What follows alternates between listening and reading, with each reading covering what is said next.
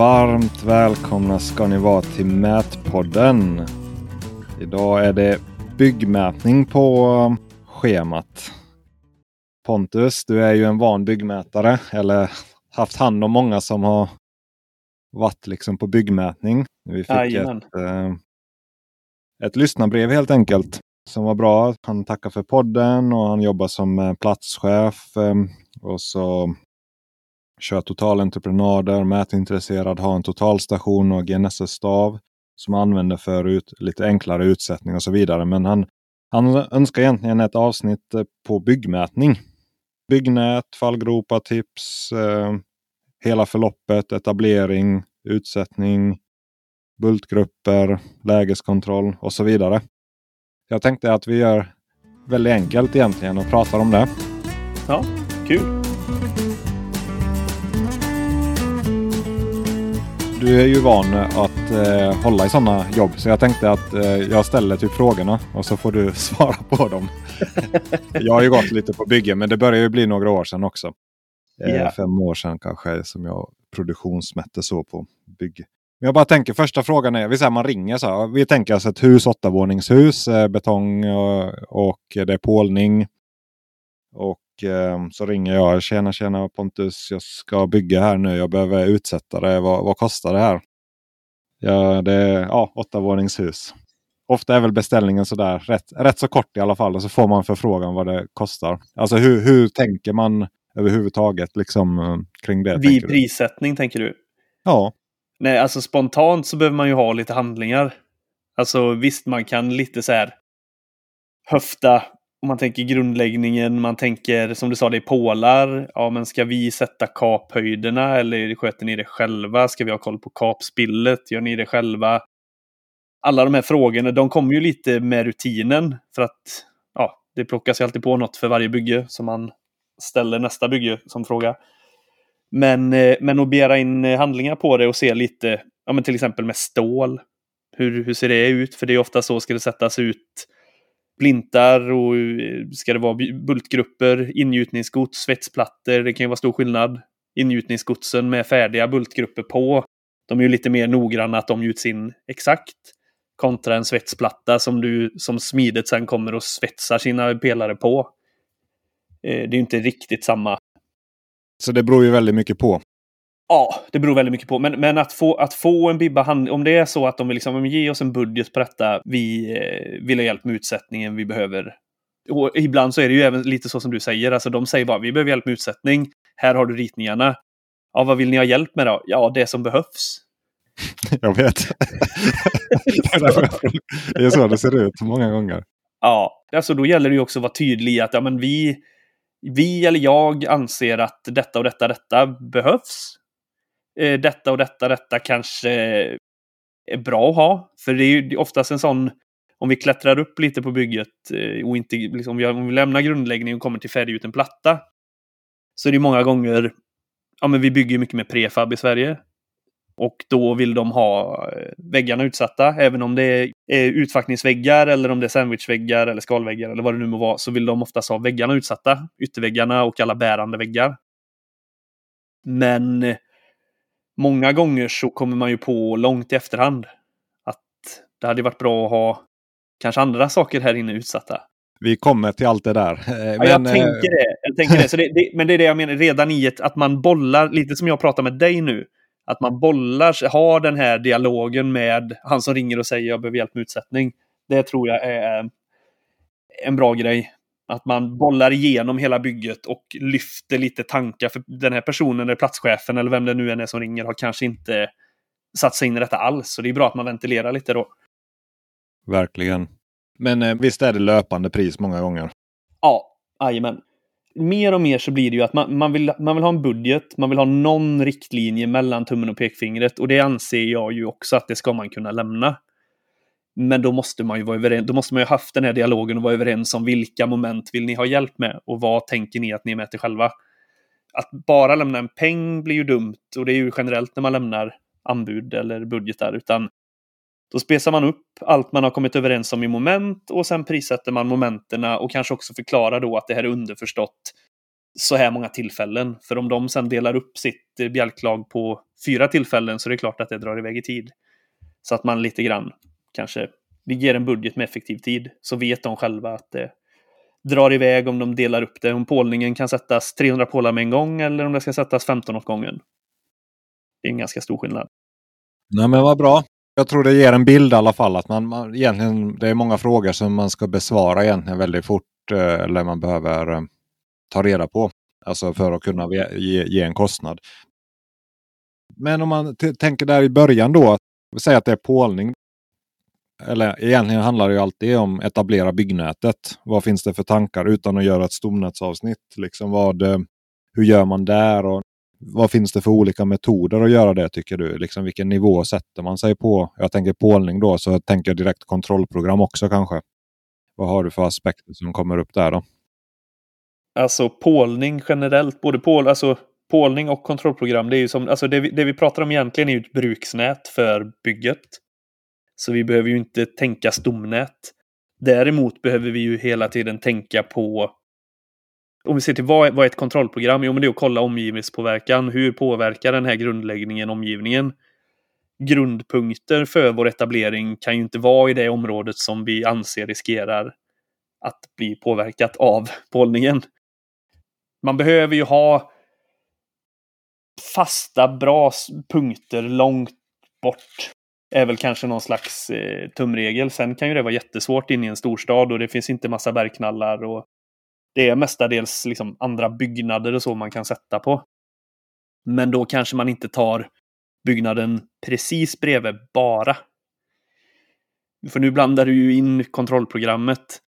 Ja, jag bara tänker om man begränsar. Alltså det, det, det kan vara jättestor post. Det är väl det, men jag vill bara lyfta det. Att, eh, Jajamän. För om vi bara tänker pålarna.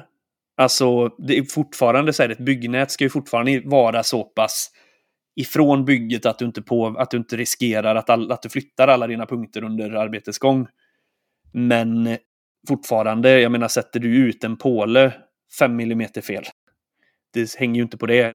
Nu ska man ju inte springa och sätta kanske pålar i hela tiden med GPS. Som, du ska ändå ha ett byggnät så småningom. Men rent, rent eh, vad säger man, mätnoggrannhetsmässigt. Har du bra mottagning så hade du kunnat sätta alla pålar med din GPS. Men oavsett, du ska ju ha ett bra nät med dig från start och framförallt, vi pratar ju höjd, vi pratar pål, kapning, nivå på pålarna. Oavsett om mättekniken gör det eller om du sätter ut en fix så behöver du ju byggnätet är ju grunden för hela bygget. Så det, du har ju helt rätt i det att alltså, det måste man ju kanske lägga lite, lite kärlek på. Och tyvärr så de första byggena som jag var på så var man ju kanske lite snål med sitt byggnät i början. Man eh, la ut några spikar eller någonting, började etablera upp sin totalstation, la ut ja, två reflexer någonstans. Det här funkar. Och sen så börjar man eh, göra grundläggningen och så kommer man på just det, de ska ju schakta ner så här många meter. Och så börjar det stå grejer i vägen och det kom upp en till etablering och så helt plötsligt så oh, jag måste jag måste bygga ut mitt nät. Och sen så gör du det och sen så fyra våningar upp så kommer du på, just det, det var åtta våningar. Ah, jag måste bygga ut mitt nät. så, så, att man kanske i början tänker lite på helheten. Vad är det här för typ av bygge? Hur ska vi ner? Hur ska vi upp? Man kan inte alltid bygga ett optimalt byggnät som funkar hela, hela byggtiden. Men man ska ändå ta med hela bygget i beräkningen och hellre en punkt för mycket än för lite. För det är inte det är inte där det tar. När du väl etablerar upp ditt byggnät så om du lägger ut två punkter till och får med dig i ditt grundnät så är inte det jättemycket mer jobb. Kommer du på halvvägs in att de här två punkterna behövs, då är det mycket mer jobb. Mm. Vad är det enklaste byggnätet? Alltså om kanske inte åtta våningshus, men du har ett eller två, alltså en hall, industrihall. Liksom, hur, vad är det ett simpelt, typ helt övergripligt, liksom sim, simplaste byggnätet man skulle kunna göra? minimalt tänker du? Ja, men alltså sådär liksom lagom låg nivå liksom. Alltså... Ja. Nej, men, men, men i, i sådana fall så skulle jag säga det är ju också det här vad man ska ha för typ av punkter, men oavsett. Man får ju tänka att man ska kunna stå upp, inte bara på en ände av byggnaden, utan kanske ja, men att man liksom om vi har då som du sa, vi säger en logistikhall. Du vet att du kommer behöva stå i, i varje ände och kanske i mitten. Ja, men tre, fyra punkter. Helst spritt då, eh, vad ska man säga, i eh, väderstrecken. Så du inte är knuten till bara en sida, för då riskerar du ju att få väldigt snäva vinklar på, eller ja, på din etablering, utan att du sprider ut dem.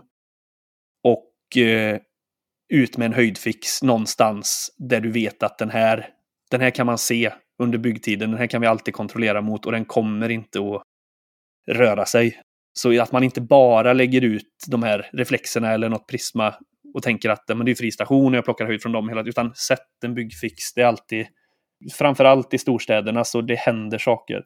Du kommer att stöta på att du behöver kolla den här dubben någonstans, vart du nu har satt den.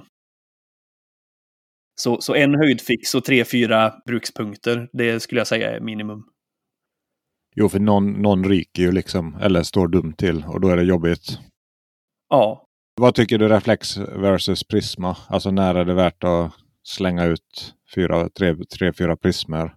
Alltid eller har det förändrats? Alltså, gjorde, var du snålare innan eller upplever du att du har blivit snålare med tiden? Jag upplever att jag har blivit snålare med tiden. Ja. ja. Alltså stora byggen och där det är svårt, alltså det du gör kanske, då är vi tillbaka på det stadsmiljön. Jag har ju jobbat mycket runt Göteborg. Och när du bygger ett nät där så kanske du, precis som jag sa, om du tar hänsyn till hela bygget, då kanske du pratar med någon fastighetsägare och kommer upp på något tak för att sätta upp ett prisma. Och då kanske du inte väljer att bara slänga upp en reflex. Ett sånt tips som jag har, det är ju att alltid sätta upp en reflex bredvid prismat. För kommer det vintertid så brukar prismerna tyvärr frysa lite då och då och få kondens och annat så det blir svårt att mäta och då funkar oftast reflexerna om inte de är alldeles för långt bort. För det är ju nästa kriterium det här med längden. Jag tror inte mer än 50-60 meter, sen ska du inte ha en reflex. Det är svårt att liksom mm. sikta rätt. Och reflexer har väl också nackdel. Alltså man, det var faktiskt ett väldigt bra tips att ha reflex bredvid. Att man har bägge. Och, ja, jag tycker det är bra. Men, men att för reflexen har ju väl nackdelen också med vinkeln. Jag gick någon, ja. Du tappar ju rätt så mycket noggrannhet när du börjar vinkla. Du måste nästan träffa den rakt på.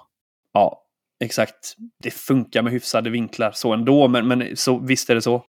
Prismerna är ju, är ju mer, men så, så tänker man lite hur svårt är det att bygga nätet? Hur länge kommer nätet att sitta?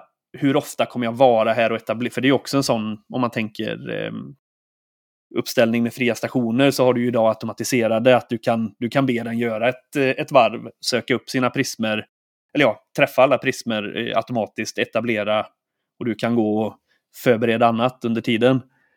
Eh, det är ju rätt smidigt.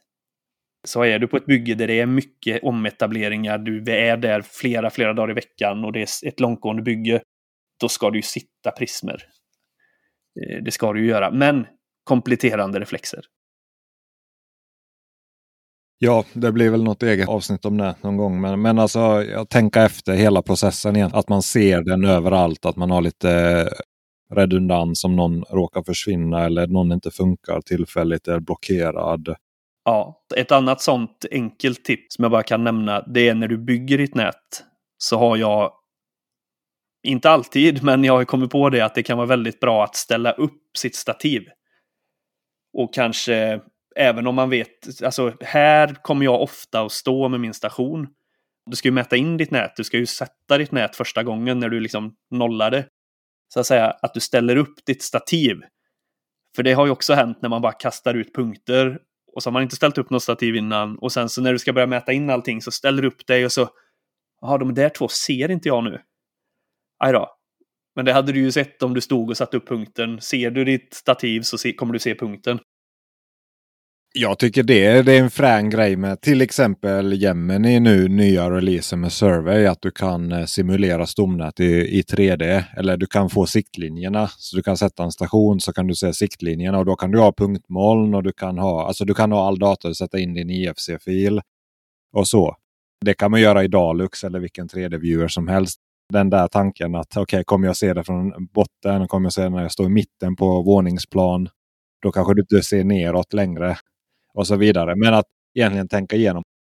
Men Hur noga nätutjämnar du? Alltså om du gör ett enklare byggnät, ställer du upp på flera ställen och nätutjämnar ett sånt nät? Eller blir det nollning från ett, en station och sen good enough?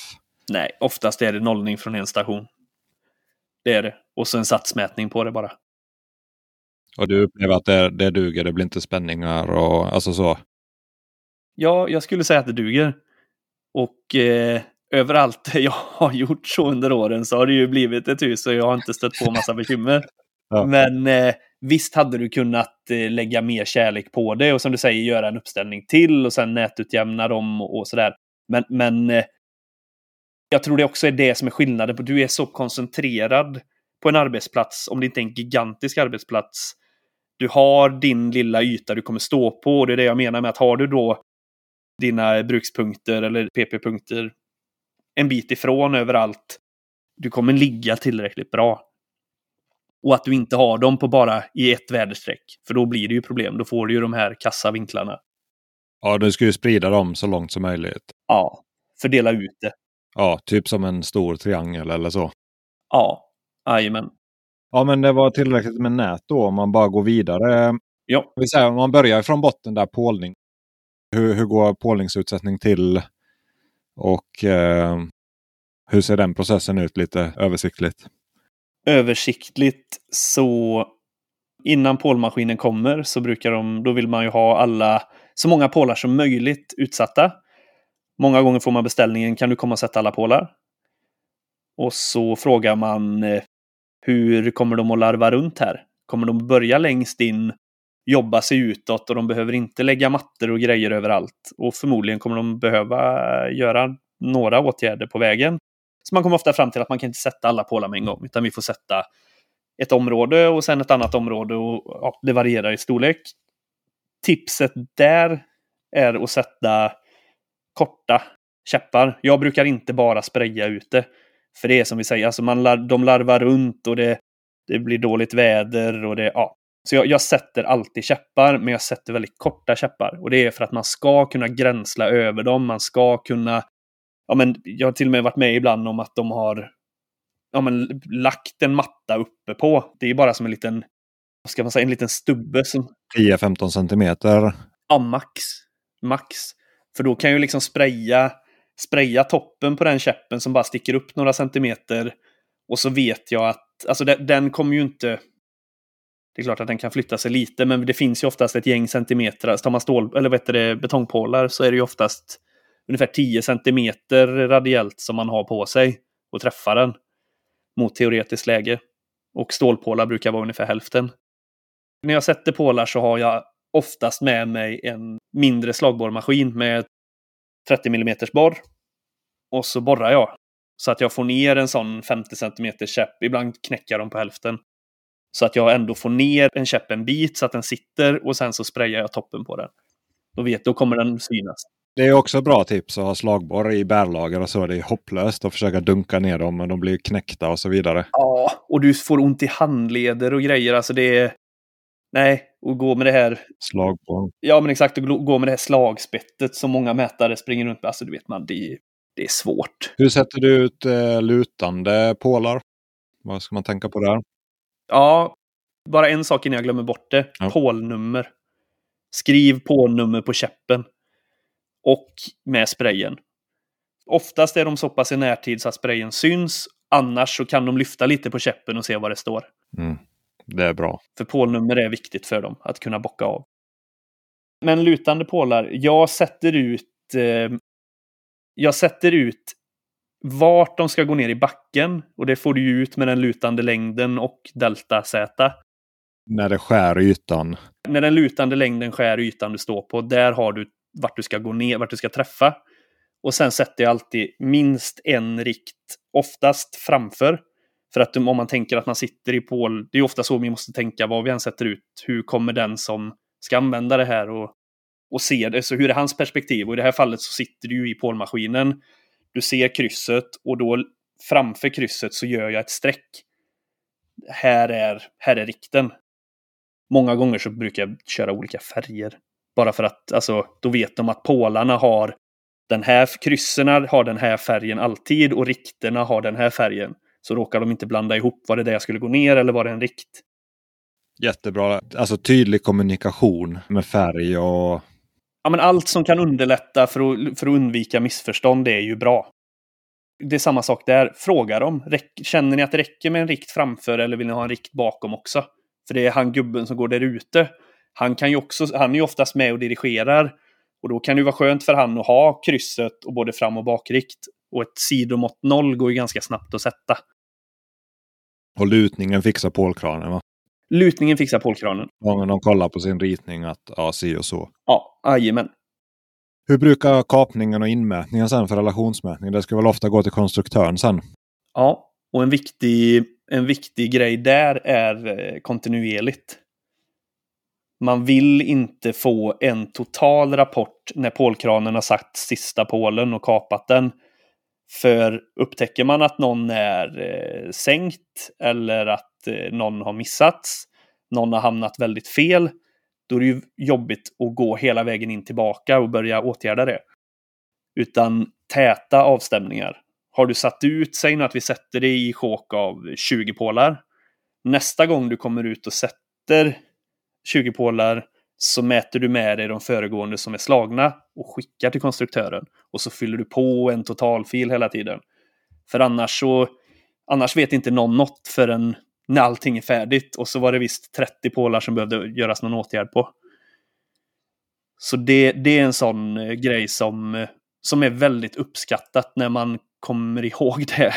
Att man kontinuerligt skickar in då. Och att man fyller på en det, där är väl bra att känna till att konstruktörerna kan ju anpassa konstruktionen då. Alltså de ser att den satt 20 cm fel. Då kanske de armerar mer eller de vill ha en extra påle. Eller... Exakt. Så, så det är rätt så dynamiskt. Det är faktiskt lite roligt. Där. Det är väl den här gången man ser en konstruktör ute på plats. Liksom. Det är ju, alltså, eller vanligtvis. Alltså, de som konstruerar grunden de anpassar ju sig faktiskt. Och det kanske inte, den fick inte stoppslag. och alltså den är knäckt. Och bör, alltså, en påle kan glida på berget när den ska djupt ner. Det finns rätt så mycket saker som kan hända. Jajamän. Och, det, och som sagt, det måste ju inte vara en åtgärd att ja, men nu får vi slå massa nya pålar. Utan det är som du säger, men här väljer vi att göra en, vi sätter en, grund, gör en försänkning och en grundbalk mellan de här två pålarna så då funkar det.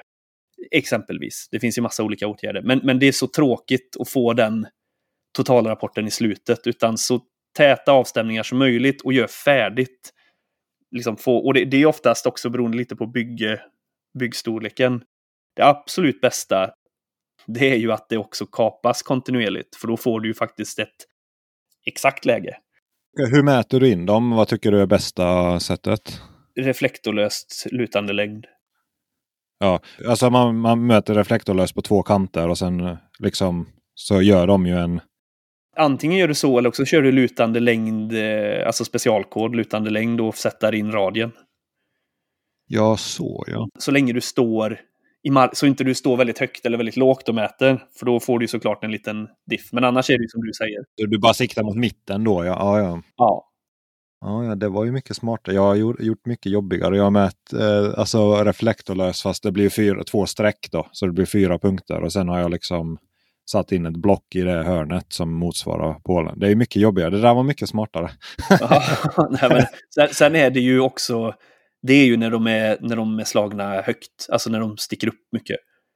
Ibland har man ju faktiskt turen att de flesta är slagna i höjd att du kan ställa ett miniprisma uppe på.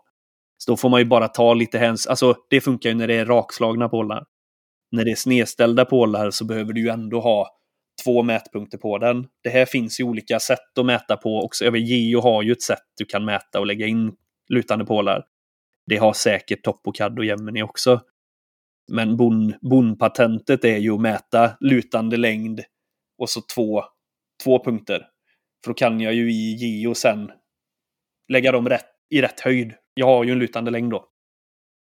Men, men som sagt, kontinuerlig avstämning och rapportering till eh, konstruktör är nog nyckeln där. Grymt. Det är ju masterclass i grund, grundutsättning. Så långt vi två vet i alla fall. ja. Vad händer sen då? Det ska ju schaktas ut. Tar man ut volymer här eller vad, vad är andra grejer som hamnar här i? En annan, om vi bara stannar pyttelite vid pålarna, så är det två grejer till som är så här, som kommer med erfarenhet. Ett pålkap det är en kostnadsfråga. Man får betalt för slagen påle och eh, inte sånt som inte är slaget om man säger så. Så många gånger så ska det ju tas fram pålkap hur mycket från det att de kapade den, vad blev över? Hur, hur, långa, hur långa längd, alltså hur mycket påle blev kvar total längd? Och ibland så kommer det lite för sent en beställning på att eh, det ska du ha koll på. Så det ska man börja med att fråga. Ska jag ha koll på pålkapet eller har någon annan koll på det? Springer ni här med tumstock innan ni skickar iväg dem? Eller, ja. Så det, det är en sån grej som man ska fråga. Vem sköter pålkapsrapportering? En annan sak är med stålpålar. Skillnad på kaphöjd och färdig stålpåle. För stålpålarna ser ju ut så att du kapar dem i en höjd, du gjuter dem och sen sätter du på en platta. Och den plattan är ju ett gäng 20-30 millimeter. Finns något standard, jag kommer inte ihåg i huvudet. Och det är oftast den plushöjden som står i alla handlingar. Den färdiga, färdiga höjden på pålen. Och det är ju en rimlig, rimlig höjd att de anger. Men om man inte tänker på det så kommer du sätta... All, då kommer ju alla bli 3 centimeter för låga. Så stålpålar, kolla höjderna. Vad är kaphöjd och vad är färdig pålhöjd?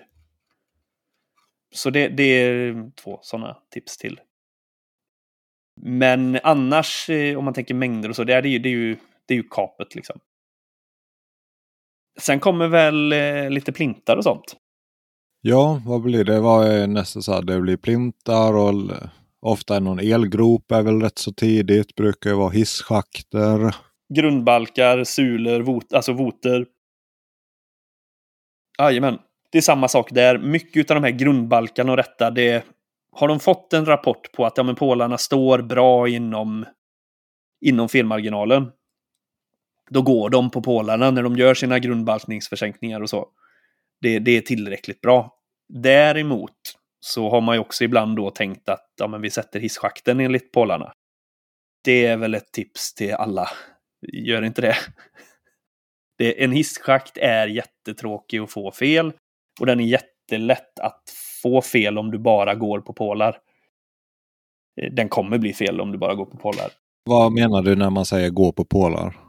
Oavsett så har du ju dina pålar och du har eh, för hissen så brukar du ju ha en, vad ska man säga, en pålkvartett, höll jag på att säga. Ja, exakt. Fyra pålar under den. Många gånger så tänker man att ja, men vi mäter från den och så gör vi liksom något eh, överslag, någon eh, kryssmätning på detta och så där blir hisschakten. Men sen så ber du ju mättekniken att sätta ut resten av grunden. Och sannolikheten att vinklarna på detta stämmer, även om storleken på hålet stämmer, ja. den är... Det, det blir fel, ja. ja. Jag vågar säga att det, näst, det blir nästan alltid fel om, de, om man försöker sätta den själv. Ja, och många försöker sätta den själv också. Jag har varit med många gånger där man på gjuten platta sen får sätta ut hur den faktiskt ska vara och så får de göra om och göra rätt och bila och ha sig kapa. Och... Den eh, extra timmen med tekniken får registrera på, på hissgropen, groparna. Det är, inte, det är ingenting i sammanhanget mot om det blir fel sen. Vi säger lägeskontroll. Ja. är ju en snabb fråga där då. Hur ser det ut? Vem, vem har hand om utsättningen på ett bygge? Alltså inte mättekniker, men alltså du har ju någon utstakningsansvar. Vi säger på en villa kanske mer om en villabyggare bygger, då kommer ju kommunen oftast och sätter finutsättningen på hushörnen och så. Och kommer göra lägeskontrollen. Hur ser det ut på sånt här eh, bygge? Är det kommunen eller kan man ta över ansvaret själv eller hur ser det ut? Det är oavsett vad du bygger. Oavsett om du bygger en villa eller om du bygger ett eh, jättelägenhetskomplex eller badhus eller vad som helst. Så länge det ska upprättas en byggnad och det finns ett bygglov som hänvisar till placering på fastighet så får du... Kommunen ställer krav på, på de som gör det. Men du kan fortfarande arrangera eller ta in eh, fristående sakkunnig för utstakning och lägeskontroll. Sen finns det kommuner som, som har skrivit in att lägeskontrollen vill vi utföra själva, exempelvis. Eh, men men det, man, det man ska komma ihåg, utstakning och lägeskontroll det är bara placeringen av byggnaden eller det som ska byggas på fastigheten enligt bygglovet. Det är fasadmåtten för eh, det man har lämnat in på bygglovet oftast. Väl? Placering i plan och höjd. Så det är ju det som kommunen vill garantera att det blir rätt. Det här huset eller det här, vad det nu må vara. Det finns ett godkänt bygglov så här långt ifrån tomtgränserna och i den här plushöjden får det ligga på. Det måste en sakkunnig göra. Det får inte vem som helst göra. Kommunen har ju ställt krav och hänvisar oftast till Lantmäteriets riktlinjer för fristående sakkunnig. Kan man läsa på Lantmäteriets hemsida och de brukar oftast, kommunerna själva brukar också ha en länk till de riktlinjerna och där krävs det ju både utbildning och praktisk erfarenhet, kunskap. Och då kan du då ansöka om detta hos kommunerna. Jag med min utbildning och kunskap vill sköta utsättningen av byggnaden på den här fastigheten och lägeskontrollen och det är detta diarienumret eller det, ja, den här, det här bygglovet som jag ska sätta ut efter. Eh, och så får man ha koll på vad kommunerna kräver. Ja, men både vissa kräver att du lämnar in din utsättningsdata eh, innan du sätter ut och sen hur de vill ha levererat lägeskontroll då. För det skiljer sig lite från kommun till kommun. Nu blir det lite långrandigt svar på en ganska enkel fråga, men det är bra. För ibland så glömmer man bort, ibland tänker man att jaha, okej, men jag får inte mäta något då. Jo, jo, alltså om vi säger när grunden för det här huset är satt korrekt enligt bygglovet, då skiter kommunen i hur du bygger där inne. Alltså hur du mäter det, vem som mäter inne på plattan eller vem som sätter upp stickorna eller radiatorerna eller vad som helst. Det är inte det viktiga. De vill att huset blir rätt i höjd och i plan på fastigheten enligt bygglov. Mm, sen blir det väl en kvalitetsfråga nästan. Så är det. Resten att... Jajamän, men man ska inte blanda ihop dem att resterande byggutsättning och inmätning för resten, det, har in, det är inte samma sak som utstakning och lägeskontroll. Hur svårt är det att få den? Alltså upplever du? Nu är det ju, det är ju, visst är det olika i varje kommun som du säger. Man, det är en blankett ofta man laddar hem den och så skriver man på och så skickar man med den. Ja, och, och vissa, vissa kommuner har ju så att är det första gången du ansöker om att få vara fristående sakkunnig, då behöver du bli godkänd. Då är det inte bara att du ska få rätten att göra det på just den fastigheten, utan du ska bli godkänd som person. Att vara fristående sakkunnig. Nästa gång så ligger du med i deras register att du är godkänd. Då är det egentligen bara att det ska anmälas per bygge, per projekt. Och det här är ju också någonting, det här är ju en sak som måste göras. Det här är ju ingenting som någon, man kan välja att ta bort. Så om inget annat sägs så kommunen gör ju detta. Ansöker du om ett bygglov så ingår det utstakning och lägeskontroll och sen får du avropa eller säga att du får komma aktivt och säga nej, jag vill ansöka om detta i eget regi. Så man kan aldrig ta bort det helt och kommunen gör det om ingen annan gör det. Och de tar ju, ja, de tar ju betalt för det såklart. I, det ingår ju någonstans i, i, i hela bygg, bygglovsprocessen. Men att gör man det i eget regi då så kan man ju helt eller delvis eh, dra av den summan från kommunen. Och det blir väl en samordningsfördel ofta när man gör det i egen hand. Att man gör annan utsättning medan man gör den där Precis. utsättningen. Det är väl den stora fördelen. Det är den stora fördelen. Så um, ja, nej, lång, långt svar på kort fråga, men så ja, är men det. Det var ett riktigt bra svar. Jag tänker vi stannar kvar där vid tillstånd, eller inte tillstånd men rätt och fel och sådär. Hantera ritningar och underlag och liknande. Det, det börjar ju komma revideringar hör man ju direkt när det börjar pålas. Ja. Sen fortsätter de strömma in. Hur, eh, liksom lite fallgropar och tankar kring hur vill man ha underlagen? Eh, vad gör man med dem? Varför kostar mätaren fast han inte syns på bygget? Ja, Sitter du ner? Nu kör vi. nu kör vi. Nu är du uppvärmd. Jajamän. Nej, men det här är ju... Det här är väl den största delen av en mätteknikers jobb. Skulle jag säga. För att sätta ut punkterna. Om vi pratar byggnätet, alltså grundförutsättningarna med, med nät och annat mättekniskt, det är ju en del såklart. Det är x antal procent.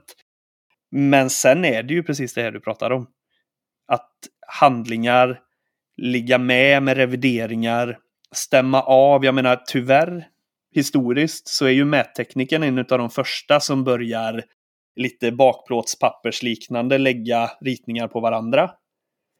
jag vet att det, nej, det stämmer inte, säger alla projektörer nu, att nej, vi kollar ju varandra och vi lägger på och vi har samordningsmodeller och ja, det stämmer. Men eh, finns det en bra samordning i projekteringen så har ni lagt varandra senaste grejer på varandra kontinuerligt. Många gånger så eh, alla sitter på varsin kant, det är olika företag med de olika projekteringsdelarna och eh, har du då en lite halvdålig samordning under det projekteringsskedet så är sannolikheten stor att alla inte sitter med det senaste från eh, varandra. Det märker mättekniken. Så det brukar ju vara en sån, sån grej som man liksom börjar på. Sen finns det ju en annan sak som kan vara bra att lyfta här och generellt. Det är ju att giltig bygghandling på bygget. Det är pdf-bibban. Och många gånger den sköts. Pdf-erna sköts. Läggs upp på portaler och meddelas i PM och allting.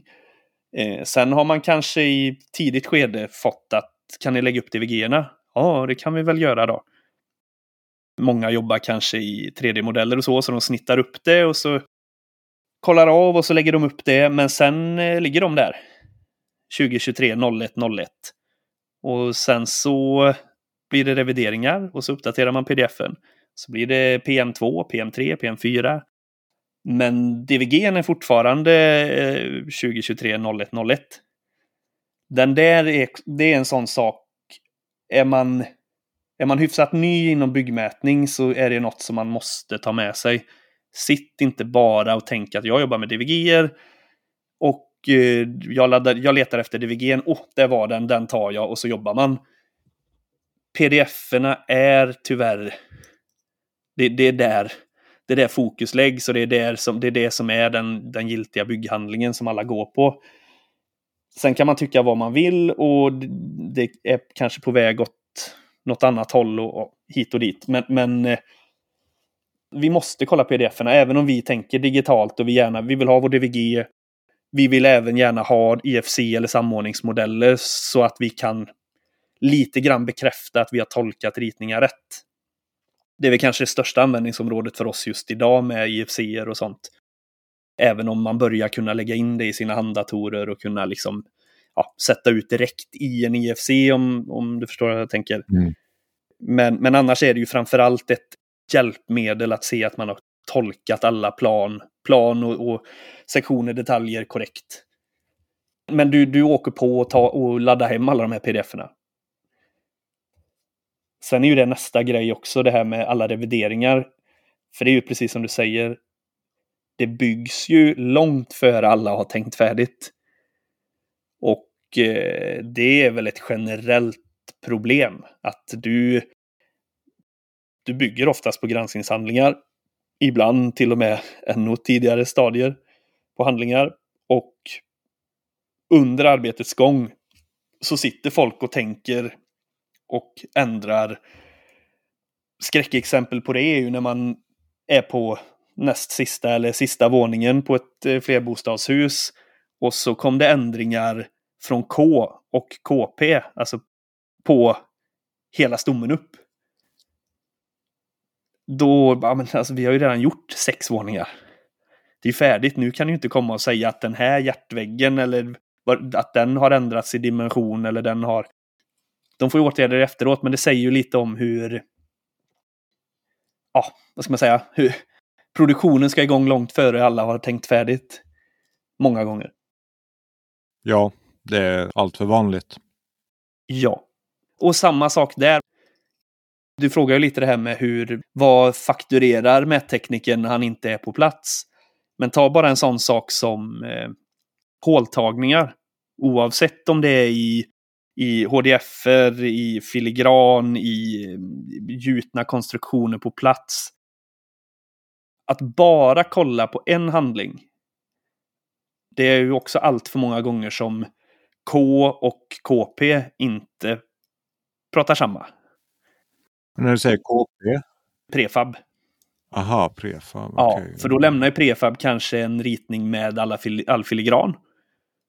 Och så får du, du kanske ska hjälpa till att sätta ut något startsträck för vart de ska börja lägga filigranen och sen så är ju den, den är ju redan, den är ju vad den är, höll jag på att säga. Säg vad filigran är för de som första gången hörde det. Man bara, vad, vad är filigran? Jag fattar ja, inte. Ja, jajamän, korrekt. Nej, men det är ett typ av bjälklag. Och eh, det är egentligen ett, vad heter det, prefabrikerat eh, bjälklag med botten, betong och eh, armeringsgrunden kan man säga.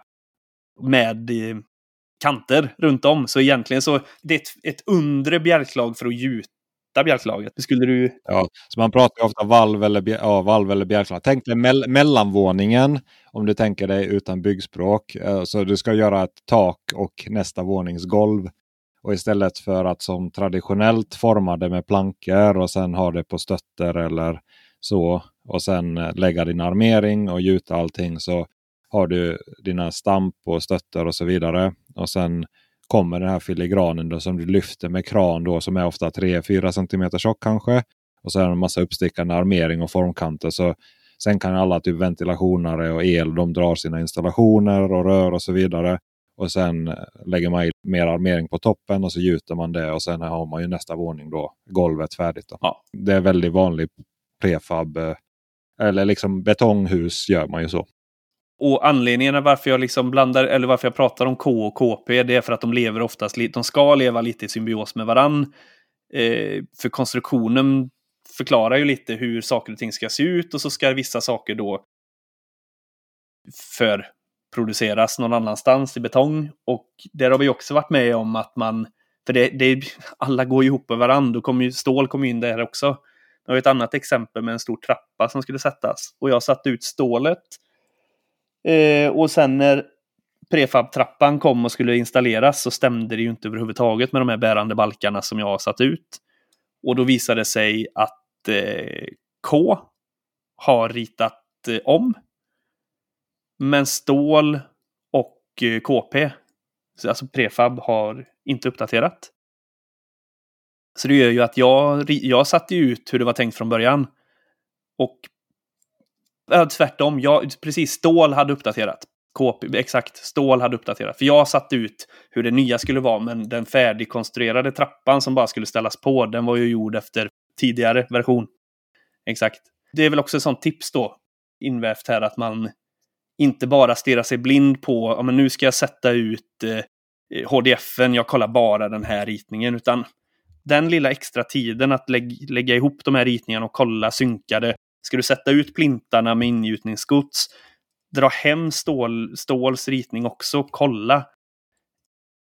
Mätande oljan i maskineriet, ha gärna med dig, får projektet att flyta. Liksom. Att liksom tänka till att det här kommer inte funka. Alltså en duktig mätare kan ju lite av vartannat och fatta, liksom, ser att det här kommer inte matcha. Ju tidigare du kan säga till om det, desto mindre kostar det att fixa det, desto mer blir du uppskattad. Det, det gäller ju i all mätning. Ja, Ja, men exakt. Exakt så. Det finns två vägar att gå. Nej, det är inte min, det är inte min uppgift att eh, samordna projekteringen och det är inte jag, på det här bygget vill de inte att jag lägger tid på att kolla portalerna, utan jag får skickat filer till mig. Då är det det jag sätter ut efter och så får det bli vad det blir.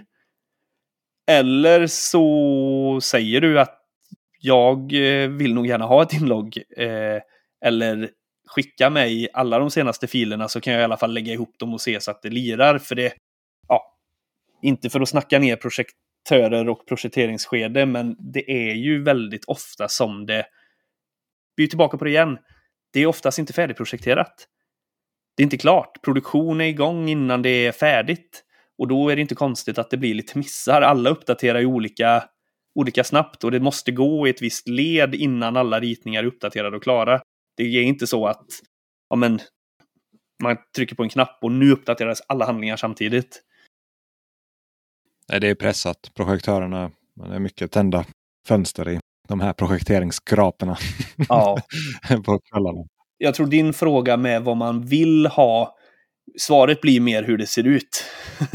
vi måste rätta oss efter hur, hur det ja. faktiskt ser ut på byggena och att vi, ja, pdf-er måste vi alltid kolla. Vad vi än tycker, så pdf-erna gäller, kolla dem. Håll koll på de olika sakerna som hör ihop. Vi är oftast de som ser att eh, VS och plintar krockar. Vi är oftast de som ser att eh, ståls eh, stomlinjer som de har lagt i kant på sina, sitt stål inte stämmer överens med AS baslinjer. Så man inte blandar ihop dem. Ja, allt detta är det oftast vi som ser. Ja, det är mycket här alltså. Det här blir en eh, bra fortsättning. Nästa gång får vi prata om stomlinjer och väggutsättning och finutsättning och installationsutsättning och, och så vidare. Men nu hinner vi inte mer. Nej, jag förstår det. Men det var en grym eh, info du delar här. Men då har vi pratat lite om etablering och pålning och grunden och liksom samordningen här. Ja. Härligt. Och skriv in mer frågor om ni har. Vi håller det kort så här. Tack för att ni tog er tid att lyssna. Tack så mycket.